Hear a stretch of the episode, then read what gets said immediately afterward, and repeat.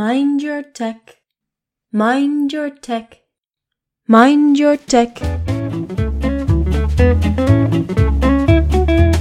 Je luistert naar de Big Meeting Escape, een tien-ish delige serie van de Mind Your Tech podcast. In deze afleveringen neem ik je mee naar een manier van remote werken die ervoor zorgt dat jij alles uit jezelf kunt halen. Minder afhankelijkheden van anderen, maar ook minder van plaats en tijd. Meer creativiteit, meer autonomie voor al jouw ideeën. Laten we van thuiswerken een fantastische ervaring maken.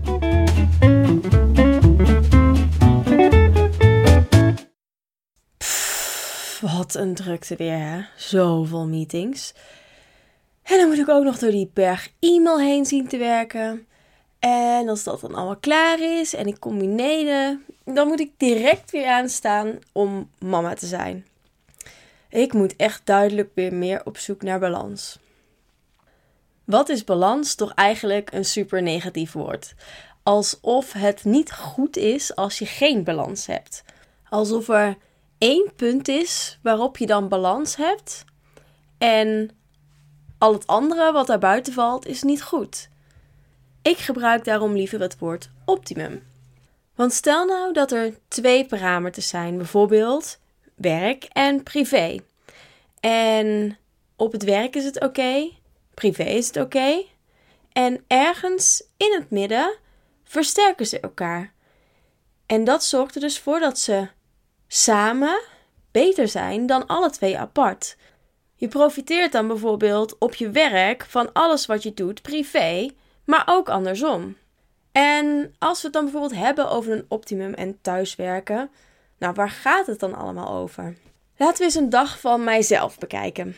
Ik word wakker en ik heb meestal even tijd voor mezelf. Meestal lees ik dan wat artikelen die nog klaarstaan uit een selectie die ik eerder heb gemaakt.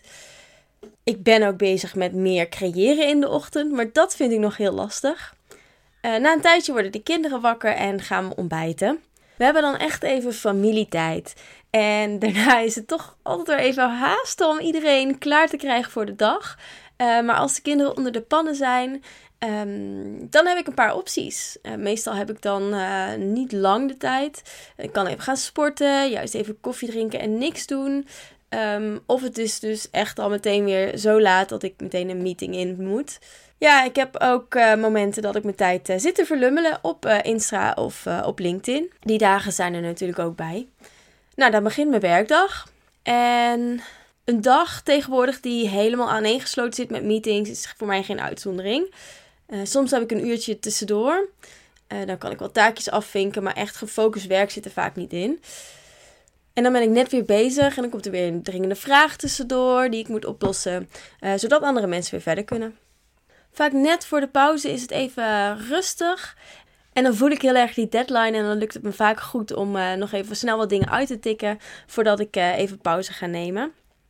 Op sommige dagen lunch ik met de kids. Op andere dagen met manlief. Soms ook um, een wandelingetje in mijn eentje of met een van mijn collega's in real life of uh, via de telefoon. En zo gaat de rest van de dag eigenlijk een beetje door. Um, om vijf uur zijn de meet meetings meestal over. En voel ik toch nog wel even wat druk om echt werk te doen. Op dat moment kan ik namelijk uh, goed nadenken. Anderen zijn dan al naar huis en ik weet dan zeker dat ik uh, niet gestoord kan worden. Of anders gezegd, ik voel ook niet de verantwoordelijkheid om dan te antwoorden mochten er nog berichtjes komen. En natuurlijk ga ik dan meestal even net iets te lang door, omdat dat dan meestal de momenten zijn waarop ik echt in flow kom. En daarna moet ik dus weer haasten om bijvoorbeeld de kids uit school te halen. Of naar beneden te gaan en uh, te gaan eten. En dan ben ik dus in één trap naar beneden. Switch ik van business analyst naar mama. Dan is het weer family time. Maar het begint dan vaak al te kriebelen om uh, te werken aan mijn eigen bedrijf. Of te gaan sporten. Of echt gewoon mijn eigen tijd te hebben ik moet dan soms mijn best doen om mijn telefoon weg te leggen en echt in het moment te zijn. En dat vind ik echt super vervelend. Want juist uh, op die momenten als we met z'n allen bij elkaar zijn, wil ik juist uh, volledig in het moment kunnen zijn en aandacht geven, uh, kunnen geven aan mijn gezin. En dat lukt wel, maar ook niet altijd en ook niet altijd volledig. Nou, als de kids dan op bed liggen, begint dus mijn eigen tijd. En zo voelt dat vaak ook.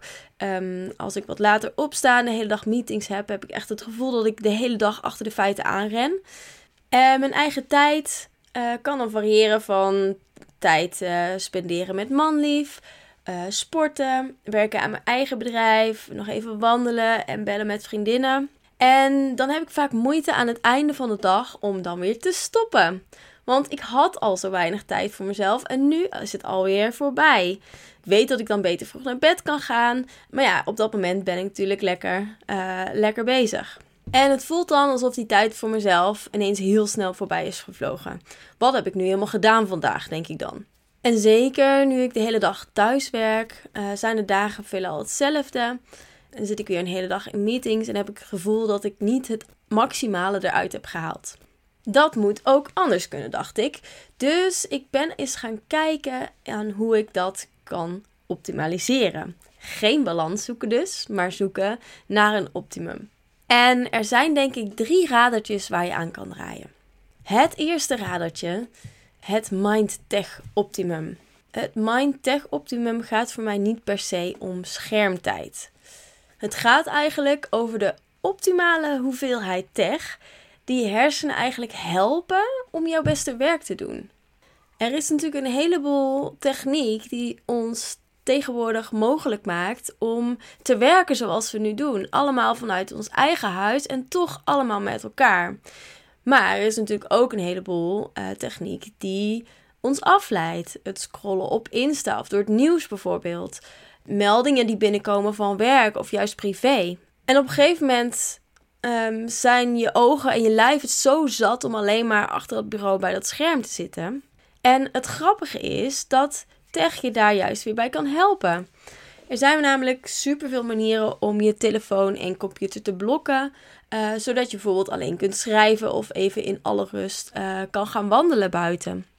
Maar ook juist om te focussen zijn er tegenwoordig heel veel manieren uh, om jou te helpen om in de flow te komen.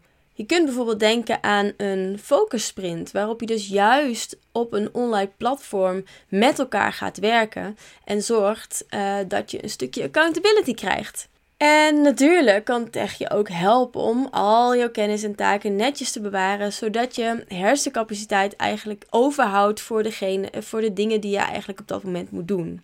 En aan de andere kant weer heb je uh, tijd ook nodig om te ontfocussen. Tijd om even buiten een wandelingetje maken, je ogen rust te geven en om de dingen eens een keer te laten bezinken. Nou, zo ben ik eigenlijk altijd op zoek naar uh, welke tech helpt me, in welke mate helpt het me en wanneer helpt het me juist niet. En heb ik juist uh, momenten nodig om echt dingen gewoon te blokken voor mezelf. Radertje nummer drie is het werk-privé optimum. Dit is natuurlijk uh, eentje die super uitgekoud is, wat mij betreft. Die gaat het super vaak over. En met de veranderingen van de afgelopen jaren, dat man en vrouw beide werken. En dus niet de man werkt en de vrouw thuis is, maar uh, allebei werken. En uh, dus ook het privé. Um, leven samen moeten verdelen. Het huishouden en de kinderen bijvoorbeeld. En werk-privé-balans was natuurlijk al altijd een onderwerp wat heel erg vaak naar boven kwam. Um, maar juist nu met het vele thuiswerken denk ik dat het extra relevant is geworden. Het lijkt namelijk allemaal super door elkaar te lopen. Je hebt heel even pauze tussen je werk door. Oh, dan kan ik er nog wel even een wasje in doen. Uh, je bent klaar met je meetings, je gaat met, naar beneden en je bent direct veranderd van um, degene wie je bent op je werk naar papa of mama. Er is geen overgangstijd meer. Je vloept zo van je werk in privé en omgekeerd. Omgaan met deze supersnelle veranderingen uh, vond ik in het begin van corona echt uh, super lastig. Uh, maar dit geeft natuurlijk ook heel veel mogelijkheden. Ik kan namelijk veel makkelijker in de ochtend even gaan sporten. En als ik nog niet helemaal klaar ben met die laatste sit-up, um, dan kan ik die gewoon nog even doen in de eerste meeting van de dag. En ook tussen de middag even gaan hardlopen en dan mijn lunch uh, opeten tijdens een meeting. Uh, die daarna weer begint, is ook een optie. Ik kan mijn werktijd eigenlijk veel meer zelf indelen. En hierdoor kan ik zorgen dat ik op de momenten dat ik weet dat ik het meest gefocust ben, dat ik dan ga werken, dat ik dan mijn focustijd pak. En als ik dan ook nog kan zorgen dat ik dan het beste in mijn vel zit, omdat ik bijvoorbeeld net heb hard gelopen, dan haal ik het allermeeste uit die focustijd. Ja, weer een heel mooi radertje om aan te draaien. En eentje waarin uh, veel meer mogelijkheden zijn gekomen uh, de laatste tijd. Het derde radertje is de Meeting Time Personal Time Optimum. Wanneer zit jij nog wel eens alleen met je eigen gedachten? Door het vele thuiswerken, althans bij mij, lijkt het alsof er soms nog meer meetings nodig zijn. We zien elkaar niet, we zien elkaar nooit meer, dus laten we alsjeblieft met elkaar in contact blijven. De vraag is of alles wel in zo'n persoonlijke meeting moet. Zijn er bijvoorbeeld processen die we kunnen inrichten om sommige meetings niet te doen? Er zijn uh, hele mooie manieren om bijvoorbeeld kennis over te dragen. Statussen kunnen automatisch eh, bijgehouden worden. Je kan tegenwoordig super mooie dashboards maken. In heel veel tools kun je samenwerken zonder dat je elkaar elke keer persoonlijk live hoeft up te, up te daten, waar dan de hele afdeling bij aanwezig is. Naast het inrichten van de juiste processen zijn er misschien ook wel dingen die we asynchroon zouden kunnen doen. Als we het probleem of de vraag die we hebben uh, zo goed uitwerken dat iedereen alvast zijn input kan leveren uh, van tevoren, ja, dan is een heel groot gedeelte van die meeting eigenlijk niet meer nodig. En als je dan in meeting zit, is het ook super fijn als je echt met elkaar kunt connecten. Dat iedereen die er is er ook echt moet zijn en dat diegenen er allemaal voor de volle 100% voor gaan. Ja, dit zijn natuurlijk niet de meest makkelijke dingen. Uh, ook al werken we nu al een hele lange tijd thuis, um, is het nog steeds lastig om niet gewoon te doen wat we altijd deden. Dit laatste radertje is er ook een waar ik graag mee experimenteer. Nee zeggen bijvoorbeeld tegen sommige meetings vind ik super lastig. Um, maar ik denk als je met de juiste argumentatie komt, of misschien niet argumentatie, maar juist uh, een tegenvoorstel. Ik kun je ook zo helpen. Is het dan nog steeds handig als we dit op die manier doen? Of kan het ook op een andere manier? Waar het natuurlijk om gaat, is dat het werk gedaan krijgt en dat we uh, goed met elkaar kunnen samenwerken.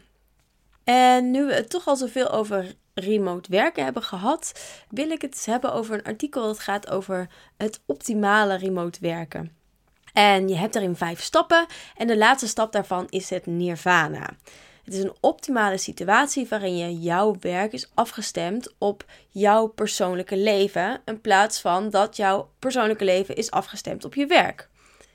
Op die manier ben je in staat om alles uit jezelf te halen, denk ik. Maar je bent ook in staat om maximaal te genieten van je eigen tijd. Zo kun je zorgen dat je optimaal in je vel zit door bijvoorbeeld te sporten en goed en gezond te eten. Dat je je tevreden voelt met jouw privéleven. En dat je je tijd kunt besteden met je gezin of je familie en vrienden. Want als het thuis goed loopt, loopt het op het werk ook goed. Maar andersom, als jij het op het werk goed doet en je voelt je daar tevreden en voldaan, kun je ook makkelijk afsluiten en voor de volle 100% genieten van jouw privéleven. Maar als je kenniswerk doet, um, werk waarbij je echt moet nadenken om je beste werk te leveren, is het niet altijd meer voldoende om gewoon aanwezig te zijn op je werk. Tijdens mijn studententijd eh, was ik sportmasseur in een sauna. En het kwam wel eens voor dat ik diensten had in bijvoorbeeld het zwembad of bij de zonnebanken. En ik hoefde daar echt letterlijk alleen maar aanwezig te zijn. Het kwam regelmatig voor dat ik dan een avondje was wezen stappen en dat ik dan alweer vroeg aanwezig moest zijn uh, op mijn werk. En natuurlijk moest ik ook wel zorgen dat er bijvoorbeeld mensen niet verdronken of zo. Maar goed, dat opletten kon ook wel op 20% van mijn capaciteit. Als ik nu een aantal nachten slecht geslapen heb, dan merk ik echt dat mijn focus minder is en dat ik daardoor dus minder afkrijg, minder presteer, minder scherp ben uh, gedurende de dag. Maar ook als je fit bent en getraind, merk ik dat ik veel minder snel opgebrand ben van een dag werken. En net zoals gezond eten, um, als ik een chocola, zak chips en een uh, glas cola drink, um, wanneer ik gefocust moet werken, ja, dan kan ik een suikerdip verwachten. En als ik dan net tijdens die dip um, gepland had om gefocust werk te doen en echt iets belangrijks af te maken, ja, dan is dat natuurlijk niet zo handig. Ik vind het echt leuk om erover na te denken wat ik dan zou kunnen optimaliseren. Bedenk je eens wat je allemaal zou kunnen doen als je extra hersenpower zou hebben. Als je de tijd en de rust en de hersencapaciteit zou hebben om aan iets te werken uh, wat voor jou het allerbelangrijkste is in je werk, in je business of misschien wel privé. En wat zou dat dan zijn? Ik ben heel benieuwd. Wat zou dat ene ding zijn waar jij echt het verschil kunt maken? En als je dat dan nog even een stukje ver neemt en je bedenkt je even dat er misschien in de verre toekomst wel een klein apparaatje zou zijn die jou de helft van jouw capaciteit in je hersenen erbij zou kunnen geven. Wat zou je dan kunnen doen met deze capaciteit? Welke problemen zou je willen oplossen? Wat voor mooie dingen zou je willen creëren? Met wat voor vraagstukken zou je bezig zijn? Leuk om hier misschien eens een keer over na te denken als je aan het wandelen bent. Dus mocht je aan het wandelen zijn nu, zet hem dan even stil en denk er eens over na. Er zijn wel van die science fiction films die ingaan op het feit dat we 10% van onze hersencapaciteit zouden gebruiken. Nou is dit een fabeltje. We weten nog niet precies, geloof ik, waar al die uh, hersencapaciteit dan wel naartoe gaat. Maar het is een fabeltje dat we alleen maar 10% van onze hersenen gebruiken. Maar ik denk wel dat je heel erg kunt inleveren op je hersencapaciteit als je een aantal zaken niet goed op orde hebt.